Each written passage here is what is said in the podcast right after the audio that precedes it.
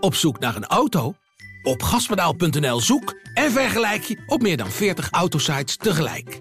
Je zoekt op de grote autoportalen en bij de autodealer om de hoek. Je hebt het grootste aanbod en maakt daarom de beste vergelijking. En zo mis je nooit meer een auto. Zoek en vergelijk op gaspedaal.nl.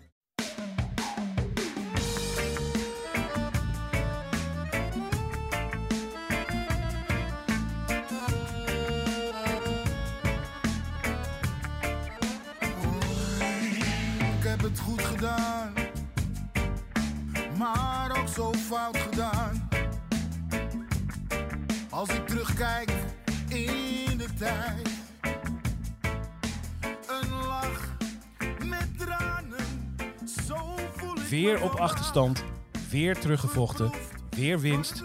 En uiteindelijk zelfs een heel goed weekend in de eredivisie voor Ajax... waarin de voorsprong verdubbelde van twee naar vier punten. Maar is de rek er bij Ajax niet een klein beetje aan het uitraken? Dat is een vraag die vandaag ter tafel ligt. Welkom bij Brani, de Ajax-podcast van het Parool en Ajax Showtime. Ik zit hier met Dick Sintony, Parool, Paroolverslaggever. Goedemorgen Dick. Goedemorgen. En Thijs Zwageman.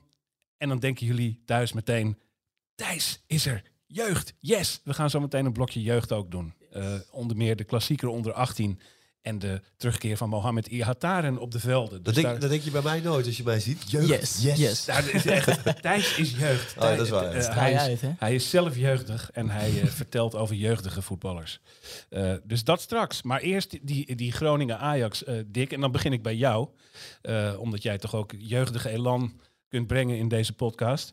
Eh, met, die, met die hamvraag, is de rekker uit aan het raken bij Ajax? En eh, anticiperend op een eventueel ja als antwoord, eh, vraag ik me dan af in hoeverre heeft dat met vermoeidheid te maken en in hoeverre met die wisselende samenstelling steeds. Wat zijn jouw gedachten daarover? Nou goed, de rek wel qua, qua voetbal en, en qua opbouw. Hè? Dus van het seizoen. Je zit wel echt in de finale van het seizoen. En dat merk je wel. Met eh, wat blessures hier en daar. En misschien wat mensen die eh, met hun hoofd al heel voorzichtig eh, elders zijn. Dat ook. Dat, Tuurlijk, ja, ja. Dat, is, dat, is, dat is voetballers eigen. Zeker die, eh, diegene die een beetje op de bank zitten en die misschien wel een stap willen maken of, of naar een ander clubje toe willen. Ehm, dus ja, in, in, die, in die zin is de rek er wel uit. Hè? Ga je niet meer eh, eh, iets opbouwen qua spel of qua eh, vernieuwingen. Of, het is echt nu eruit slepen wat erin zit. Een beetje vechten. En die wisselende samenstellingen hebben daar natuurlijk ook mee te maken. Hè? Ja. Dus die blessures en Interlands dan afgelopen week. Die, die, hebben, die hebben zijn invloed op, de, op de basis 11. Ja, dan zie je dat, dat Ajax toch wel bij Groningen ook weer tactisch in de problemen komt daardoor. En ook niet heel snel eh, de oplossing heeft. En dat heeft wel te maken met het feit dat er drie, vier andere spelers spelen of op een andere positie spelen. Ja, dus het slechte nieuws, luisteraars, dat is dat het eh, eh, niet meer wezenlijk gaat verbeteren misschien. En dat het op deze manier zal moeten. Het wordt eh, hangen en wurgen en dit naar een goed einde slepen. Nou ja, het is, het is in deze fase van het seizoen zo dat als jij nu eh, een, een weeffout in het spel eh, ziet als trainer, dat je daar niet twee maanden meer voor hebt om dat te gaan verbeteren. Dus, dus je zal nu steeds terugvallen op wat je eigenlijk het hele jaar hebt gedaan. Ook als het misschien niet, niet helemaal goed gaat of niet naar, naar wens gaat. Maar dat je wel zegt, ja, het zijn nog maar zes potjes plus de bekerfinale. En ja, dan moeten gewoon eh, vechten. Nou goed, en dat kun je ze wel nageven. Of moet je ze nageven. Ja, dat doen ze natuurlijk geweldig. Ja, ja. Want dat is het gekke, hè, Thijs? Dat eh, aan de ene kant denk je vermoeidheid, eh, zware belasting. Spelers lopen een beetje in het rood misschien. Aan de andere kant, die vechtlust brengen ze juist in deze fase elke week wel. Ja, absoluut. En dat heeft gewoon heel erg te maken met een aantal spelers die inderdaad dat, eh, dat urgentiebesef hebben. Natuurlijk een Tadic, maar ook de Latino's. Ja, dat zijn jongens die daar ook andere spelers in meeslepen. En als je ziet uh, Tadic in de blessuretijd van die eerste helft en ja, die passie en beleving die daar bij hem is, dat straalt over op de rest van zo'n ploeg. En dan kan het dus voorkomen dat je, zoals de laatste week eigenlijk bijna zelden, in ieder geval een hele wedstrijd goed speelt. Want dat gebeurt gewoon eigenlijk niet meer.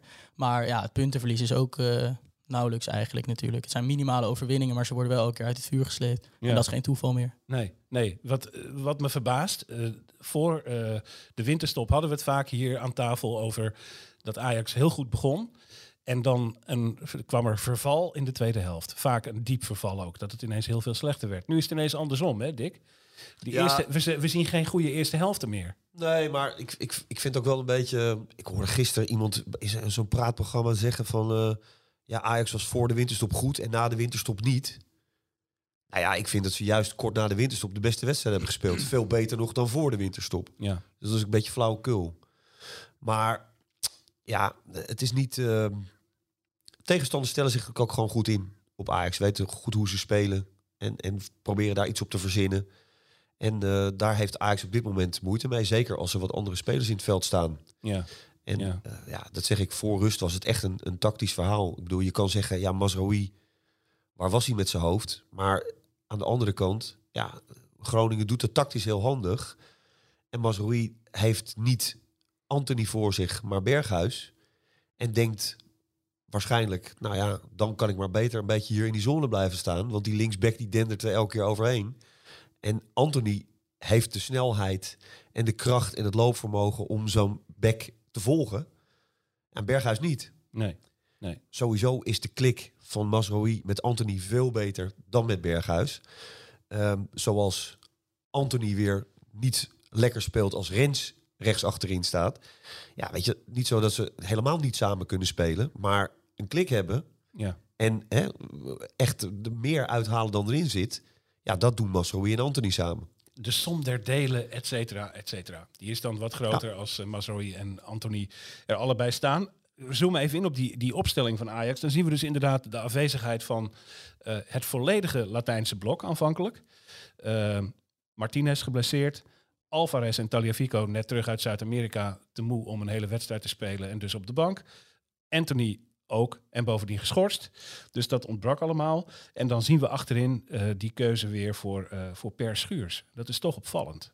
Ja, ja, eigenlijk wel. Aan de andere kant uh, zou je ook kunnen zeggen dat Schuurs in zijn kracht kan komen als hij zich gewoon kan vastbijten in een, in een spits. Hier, ja, in een sterke spits die er bij Groningen natuurlijk wel stond. Ja, Strand Larsen. Ja, ja, zeker, Strand Larsen. Maar als je, ja, Schuurs begon heel onzeker natuurlijk aan de wedstrijd. Een paar hele ja, hachelijke momenten eigenlijk. En tweede helft vond ik hem wel beter in de wedstrijd komen. En ja, dat was hij eigenlijk prima. Maar het begin was toch weer niet, uh, niet overtuigend. Ook in samenwerking met Onana bijvoorbeeld al uh, in de eerste minuten.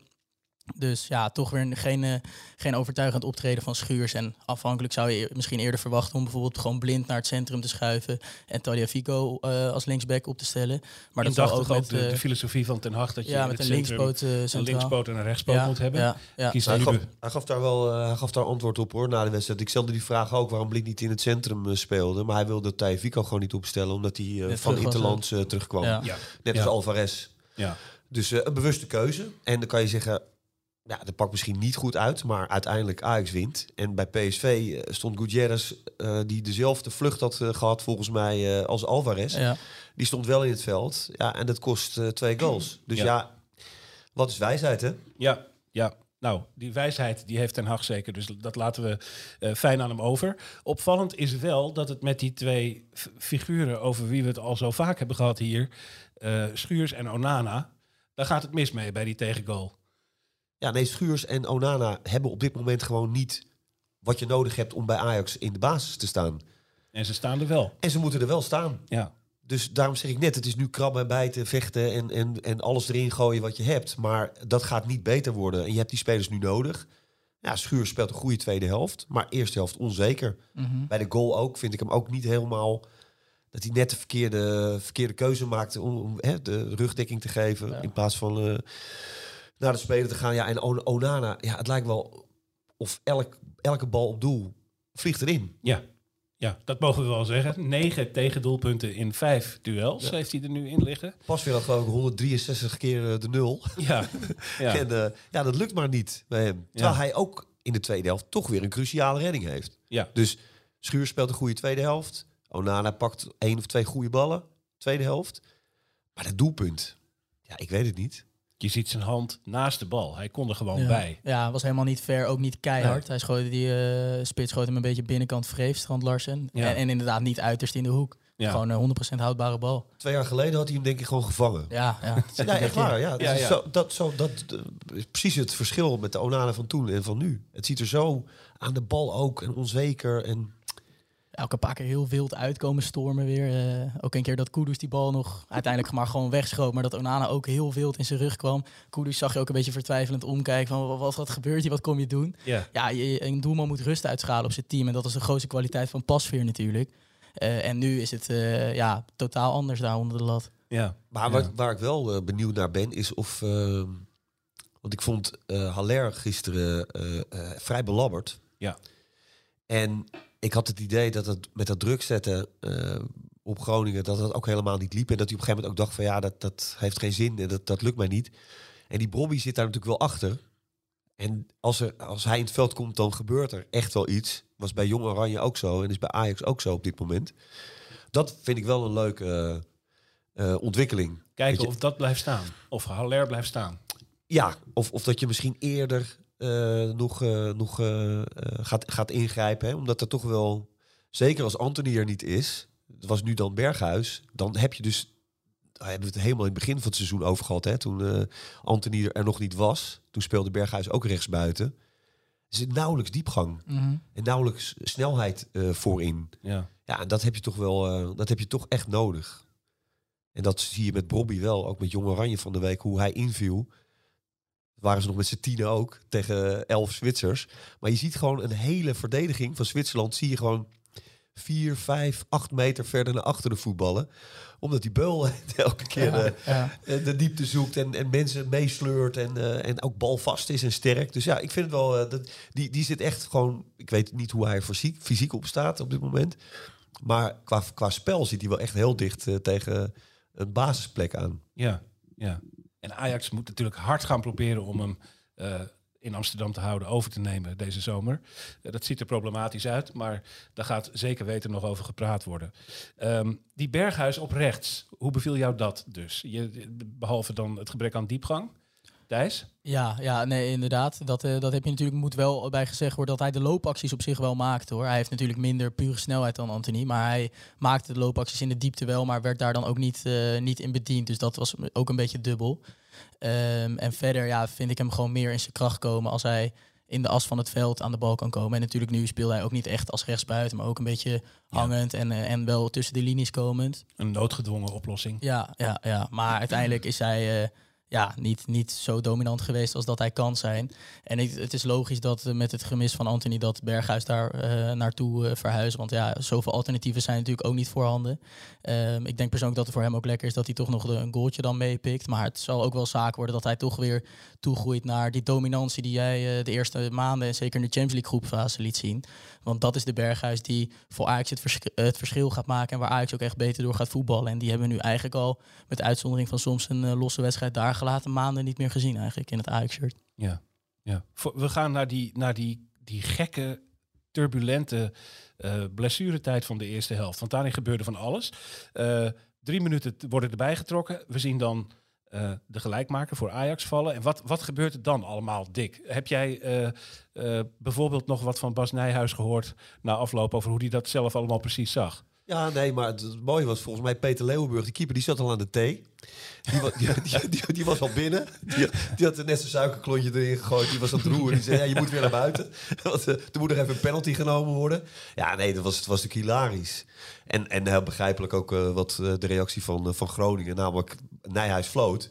Dus Buis, die riep meteen naar al die spelers eraf, eraf. Weet je wel, naar de kleedkamer. Die denkt ook, ja, als ik binnen ben, doe de deur op slot. Ja, Ja. Dan, eh, misschien eh, veranderen ze nog van gedachten. Maar goed, toen zagen wij eh, wel al eh, de herhaling inmiddels. Want we konden dat natuurlijk tijdens de wedstrijd niet goed zien vanaf de tribune. Maar toen zag je de herhaling en toen wist je wel dat het een penalty eh, was. Omdat ja, ik vind het nog steeds een hele rigide maatregel. Maar goed, dit is, dit is nu eenmaal de regel. Ja. Dat als jij een sliding maakt en je, je armen gaan boven je hoofd en de bal komt er tegenaan, dan is het een penalty. Ja. Maar was het niet... Ik vond het vooral gek dat Nijhuis het niet in eerste instantie zag. Omdat hij... Ja. Hij had een heel goed... eh, Nou, dat vond ik ook. Want hij, Zichtlijn hij staat eigenlijk? er rechtop. Het is vrij duidelijk, want inderdaad de arm van Dankerlui eh, zweeft een meter Ja. boven zijn hoofd ongeveer. En Nijhuis die fluit gewoon af en die denkt dat het daarmee klaar is. Dat eh, eigenlijk een soort van hele makkelijke Nou, beslissing of zo. De vraag is, was dat zo? Want ik zie hem affluiten. Meteen komen de ajax Ja, naar hem ja. toe om te zeggen het is Hens. En je ziet hem eigenlijk ook vrijwel direct zeggen... maar ho, ho, ik ga nog kijken. Maar dat is het fijne van de VAR. Hij laat het er gewoon op aankomen. Ja. Dat, dat, dat kun je soms doen. Kijk, als je het zelf helemaal eh 100% zeker bent en het is midden in de, eh, eh, midden in de wedstrijd of zo, je ziet het goed, kun je zelf beslissen. Maar nu zegt hij gewoon van ik fluit af, want het is tijd. Het was eigenlijk al overtijd, hè, dus hij liet de aanval eigenlijk gewoon doorgaan, omdat Ajax nog steeds in de 16 was. Ja. ja. Dan, dan fluit je ook niet zomaar af. Dat deed hij nu wel en zegt meteen van, maar wachten, Ik luister. want ja. ik luister even wat de VAR eh, zegt. En, eh, maar goed, Ja, daar, eh, dat, dat heeft hij volgens mij goed gedaan. En hij kreeg ook de complimenten van, eh, van eh, Danny Buis, de trainer van, eh, van Groningen, hoe, Ja. hoe hij dat allemaal oplost. Want het is natuurlijk een, ja, best wel een, een, een, ja, het was eigenlijk een beslissende wending. Ook achteraf, Mhm. weet je op dat moment niet, maar wel cruciaal en beslissend. Dus dat, dat je daar ook je excuses voor aanbiedt als scheidsrechter. Die zegt van ja, weet je, ik begrijp jullie frustratie. Gaat niet met gele kaarten lopen wapperen van mensen die het veld al uit waren gelopen. Maar ja, oké, het is een penalty, sorry. Ja, ja, en Ja. dat is het is meer de ophef, omdat het natuurlijk bijna nooit voorkomt, zoiets. Maar in principe worden gewoon heel logisch de regels ge- eh, gevolgd. En is het niet een rare beslissing dat hier een penalty voor komt. En dat Ja. het op deze manier. Waar zagen we dat een keer? In de Premier League of in Ja, de bij? Manchester United was ook een keer na afloop van de wedstrijd. toen en toen zaten ze- de spelers volgens mij wel al binnen. Ja, toen moesten ze echt uit de catacomben komen. Ja, ja. Ja, ook voor een penalty. Ja, maar goed, je weet wel, je, er kan van alles gebeuren, eh, ook in de rust. Ik, er is wel eens een keer een trainer ontslagen in Duitsland in de rust. Dat is ook goed.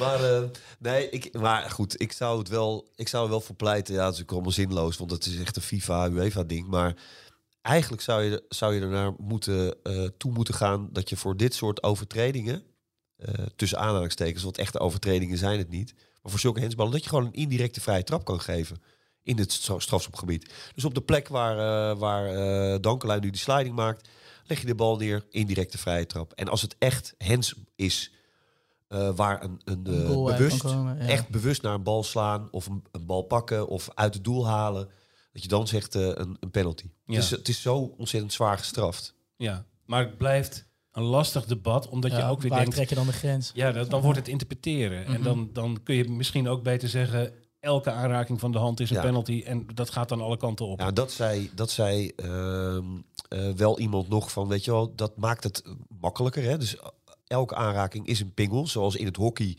elke voet aanraking met de bal eh, een strafcorner is. Ja. Maar ja, het, het, het vervelende is, is dat eh, voetbal is een, heb ik al eens eerder gezegd hier, volgens mij ook een, een lage scoresport. ja. En in, de, in het hockey is de strafcorner wel bepalend, maar er vallen ook vaak heel veel goals. Wedstrijden eindigen niet zelden in, in 7-3 of, of 5-4. Ja. Ja. Ja, en in het voetbal, een, een penalty, eh, dat is nu ook trouwens, deze penalty is uiteindelijk beslissend hè, voor, eh, voor, eh, voor de wedstrijd. Ja. ja, dat is ook weer waar, Dick. Ja.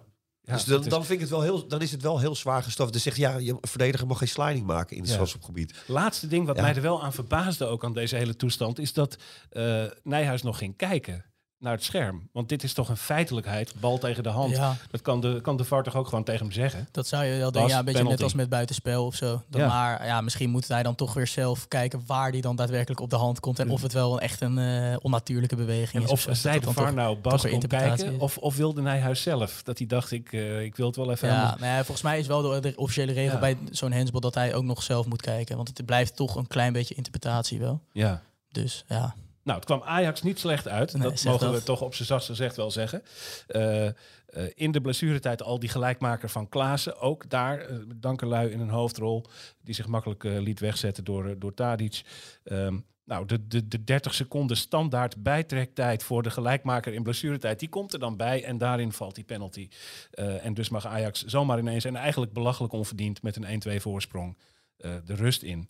Hoe vond jij, Dick, dat Ajax zich na rust reorganiseerde? Ja, heel goed. Goed. Ja. Was eigenlijk al eh, eh, in de laatste vijf minuten, tien minuten voor de rust al het geval. Dat ze wel, eh, daar waren ze wel de hele eerste helft mee bezig geweest. Om dat, nou, om dat probleem, zeg maar, dat tactische probleem op te lossen. En, en Ten Hag was daar langs de kant heel druk mee. Maar de spelers in het veld ook. Blind had wel één of twee keer momenten dat hij echt, als de bal even uit het spel was, met twee of drie spelers van hey, jij dit en jij dat en als dat. Hè, je zag hem echt wijzen.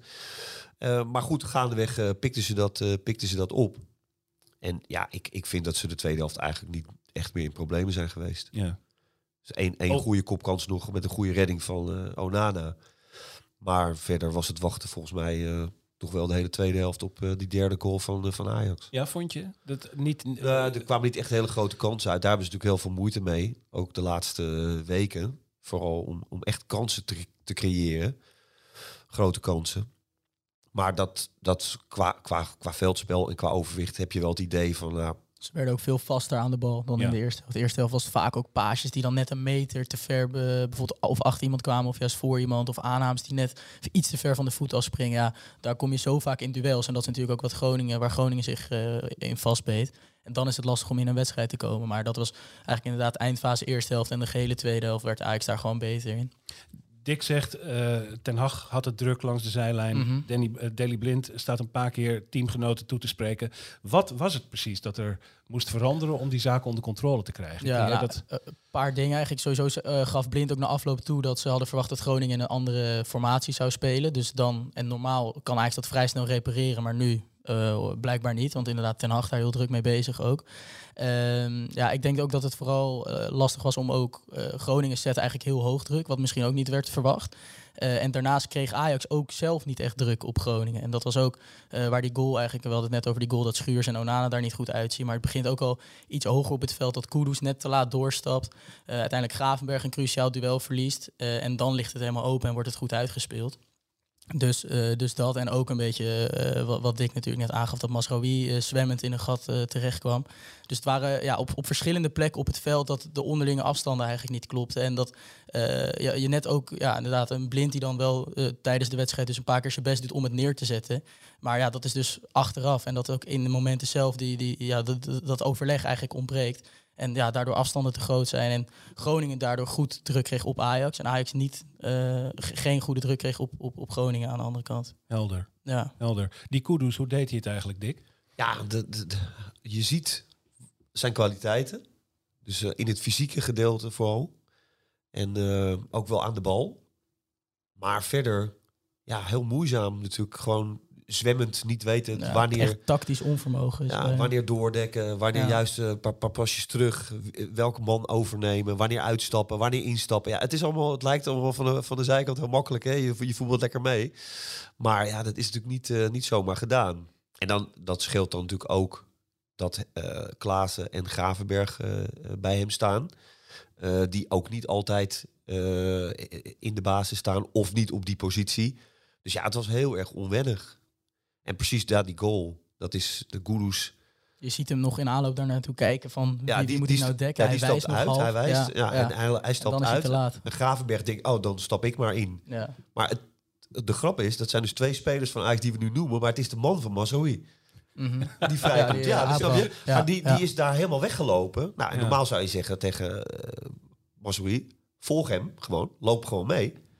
En dan is er niks aan de hand. Alleen als Mazoui daar wegloopt, dan is dat, ontstaat daar een enorm gat. Ja. Ja, en die Meijer, die, eh, die linksback van Groningen, die loert daarop. Nou, dat zeg ik. Als Anthony had gespeeld, was Mazoui waarschijnlijk gewoon meegelopen. Want die weet, ja, die Anthony is zo snel Gaat wel en mee. best wel alert. Die gaat wel mee. Ja. Ja, en nu denkt hij, ja, het is Berghuis. Die laat hem of wel eens lopen, of die wordt er gewoon uitgelopen door die jongen. Dus ik blijf hier een beetje in die zone staan.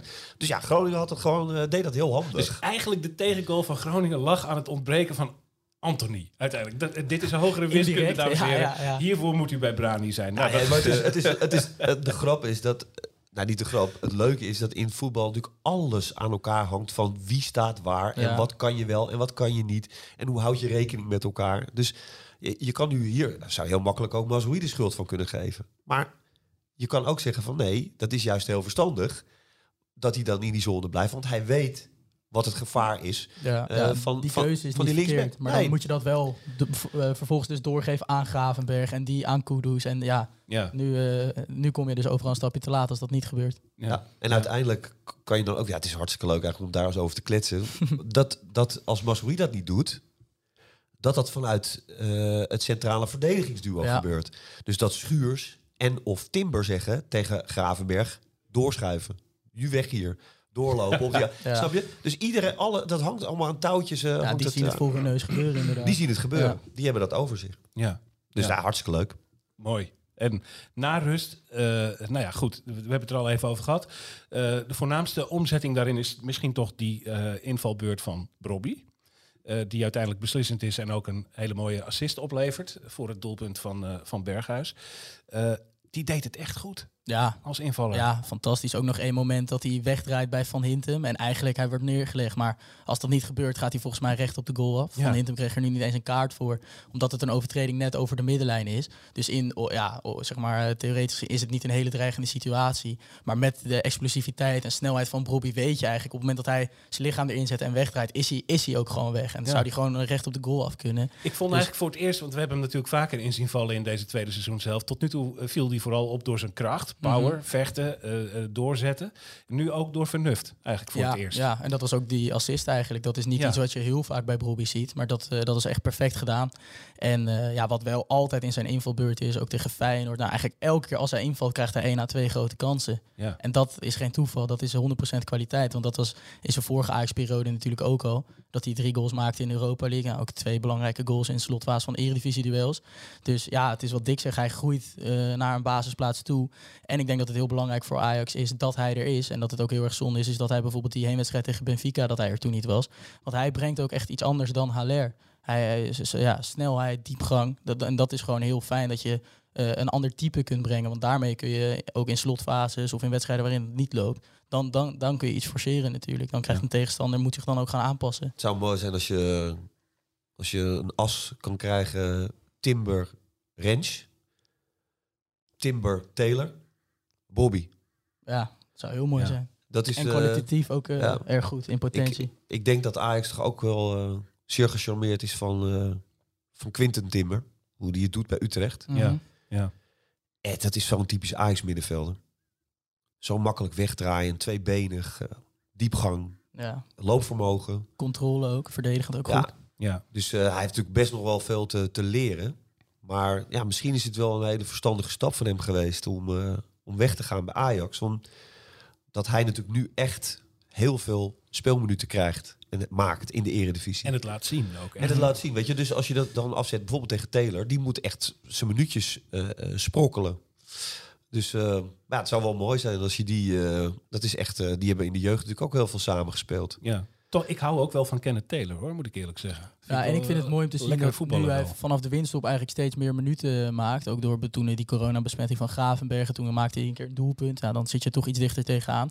En dat hij nu ook een veel hoger basisniveau eigenlijk heeft als hij invalt. Eh, hiervoor was hij een beetje verstoppertje aan het spelen. En heel erg op veilig. Alleen maar balletjes uitkaatsen en breed. En nu zie je dat hij hem ook wel echt durft te halen. Ook ogen op het veld. De weg durft te draaien. Combinaties durft te zoeken. Ja. Dus ja, die, die lijkt wel echt aan te gaan haken. En eh, dat, hij zit er natuurlijk al twee jaar echt tegenaan. Maar nu, eh, en zeker komende zomer, lijkt toch wel het moment voor hem te gaan komen. Denk Ja. ik echt. Ja, en Regeer en Baas ook hoor. Die, eh, daar verwacht ik gewoon echt eh, veel van. Dat zijn, niet, eh, dat zijn niet jongens die je erbij haalt en dan eh, maar eh, een seizoentje of twee seizoentjes een beetje laat pruttelen en dan eh, afscheid neemt of zo. Dat, ik verwacht echt wel dat die eh, kwaliteit en body en zo genoeg hebben om, eh, om serieus mee te gaan draaien in dat eerste.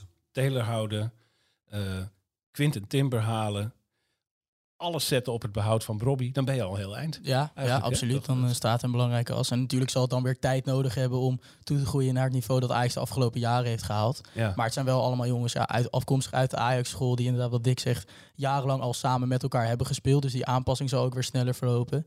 En ja, ik denk dat voor het Ajax-publiek zou het natuurlijk fantastisch zijn om zo zo'n groot team van, eh, van jeugdexponenten eigenlijk samen te hebben. we, hebben Ja. een bru- we hebben een bruggetje naar de Hey. jeugd. We gaan, naar het, de is jeugd. het is ook heel belangrijk voor de onderhandelingspositie van, eh, van Ajax de komende weken, maanden. Want eh, ja, er zullen ongetwijfeld eh, clubs gaan komen voor, voor spelers van Ajax. Maar ja, het geld is niet, eh, niet meer wat het geweest is. Dus eh, heel veel clubs zullen echt proberen om eh, ja, heel veel van het transfergeld af te snoepen.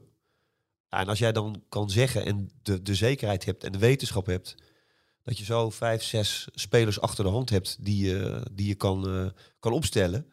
Ja, dat maakt je natuurlijk wel, dat maakt je natuurlijk wel sterker. Het zij gezegd. En dan gaan we nu naar de jeugd. Het bruggetje over. Thijs, jij hebt eh, eh, eigenlijk twee dingetjes te behandelen voor ons.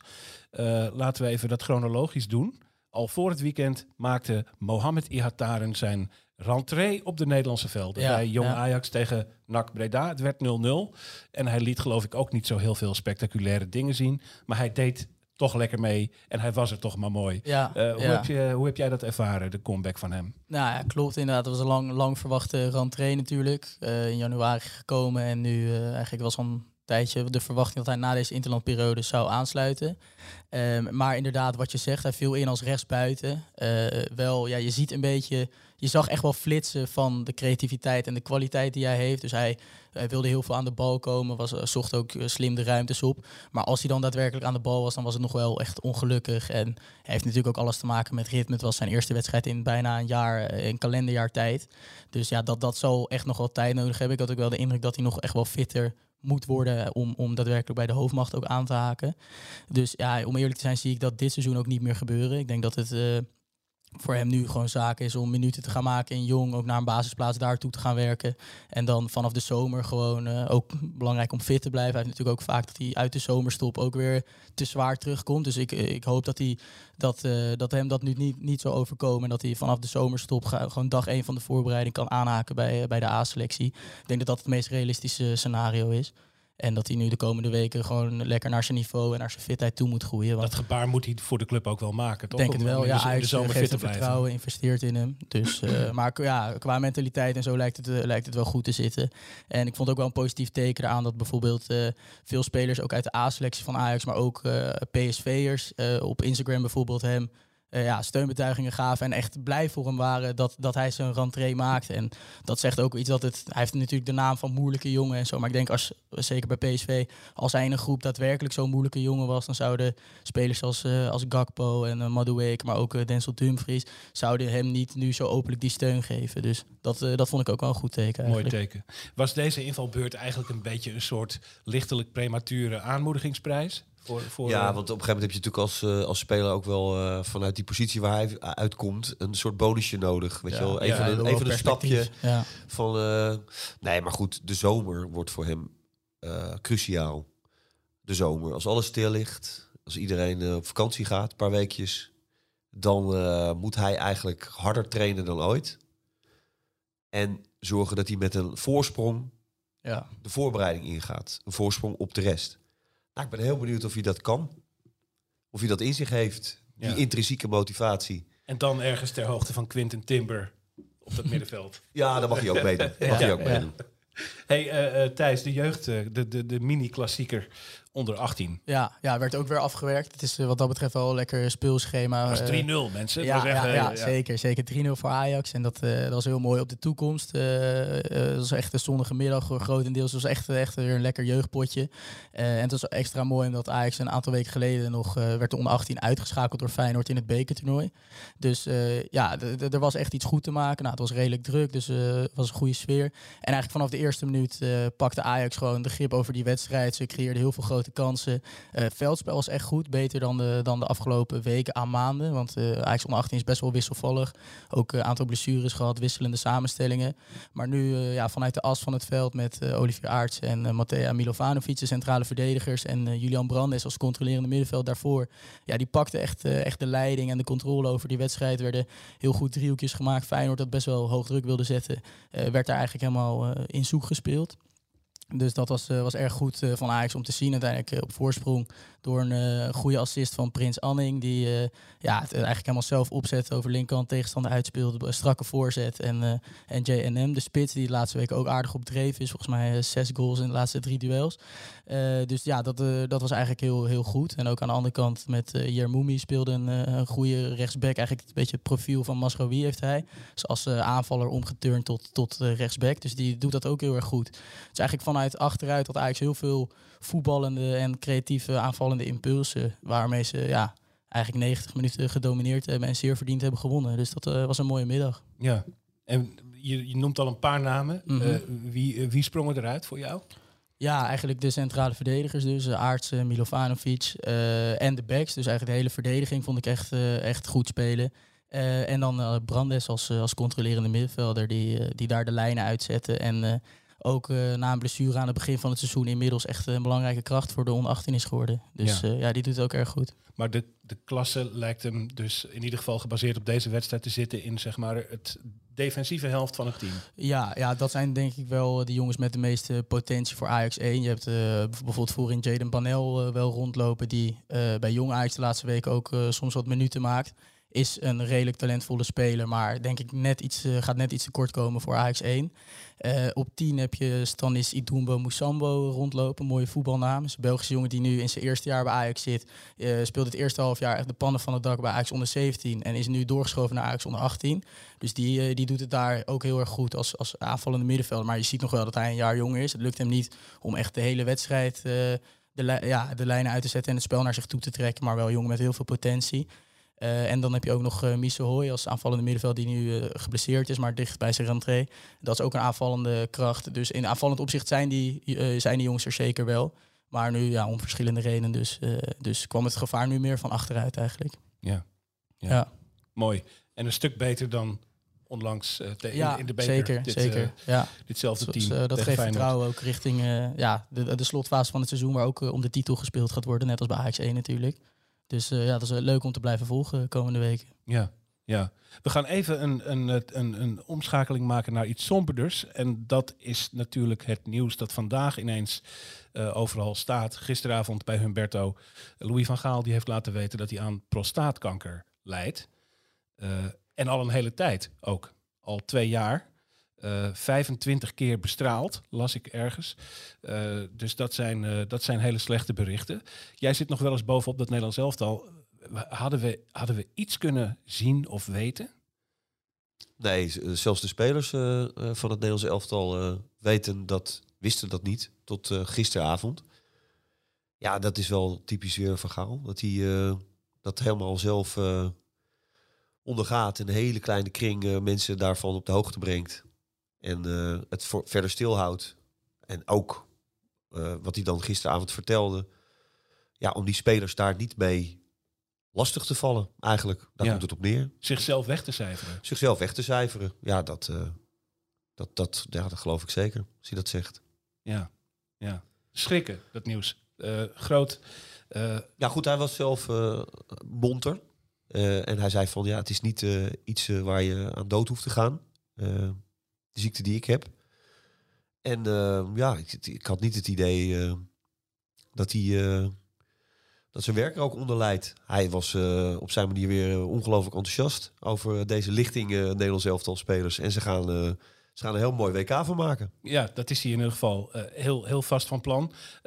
Hoe, hoe ernstig dit allemaal precies is, nou ja, dat, dat weten we niet. Wij wensen van Brani, Louis van Gaal, alle sterkte toe eh, met eh, de strijd tegen deze vreselijke ziekte. Ehm, en eh, we zullen nooit vergeten wat die betekend heeft. Nou goed, we gaan nog even naar het laatste ding. Volgend weekend, zo zwaar als het programma van PSV en Ajax dit weekend op het oog was. Twente uit en Groningen uit. Zo, nou ja, eh, bescheiden ziet het er komend weekend uit. Ajax ontvangt Sparta, PSV ontvangt eh, RKC. Ehm, wat kunnen we daarvan zeggen, Thijs? Ja, het zijn eh, natuurlijk Sparta en RKC wel twee ploegen in, eh in degradatiezorgen. Eh, dan kan je enerzijds zeggen dat ze, dat ze kwalitatief tot de onderkant van de eredivisie behoren. Dat is een feit. Maar anderzijds kan dat ook in een slotfase van het seizoen betekenen dat daar misschien extra krachten bij loskomen. En dat ze echt nog ja, vechten voor lijstbehoud. Dus dat zou aan de ene kant voor Ajax nadelig kunnen zijn.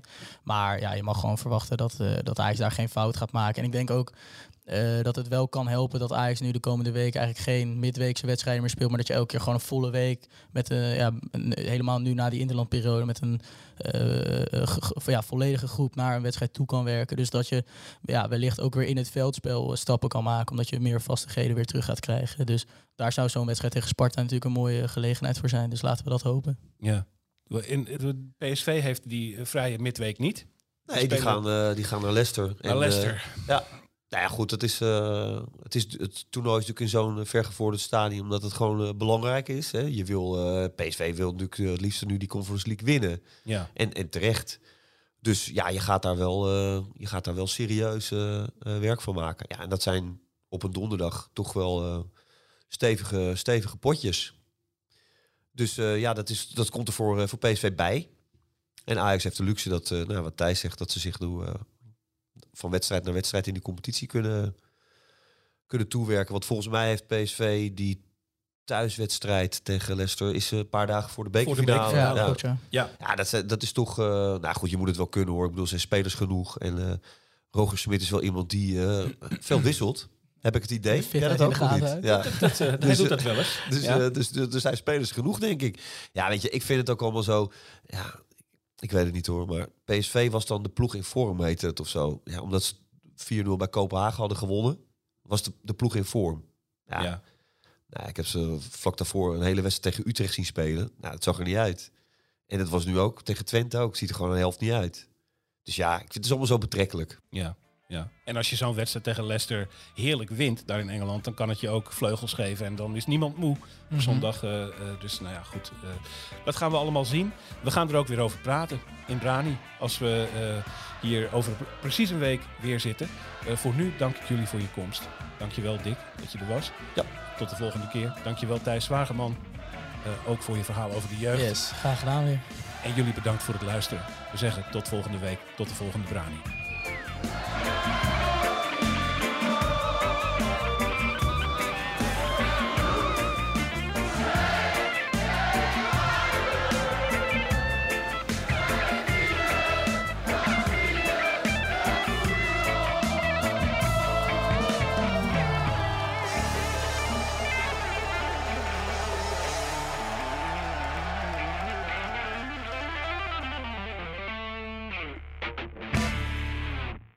Op zoek naar een auto? Op gaspedaal.nl zoek en vergelijk je op meer dan 40 autosites tegelijk. Je zoekt op de grote autoportalen en bij de autodealer om de hoek. Je hebt het grootste aanbod en maakt daarom de beste vergelijking. En zo mis je nooit meer een auto. Zoek en vergelijk op gaspedaal.nl.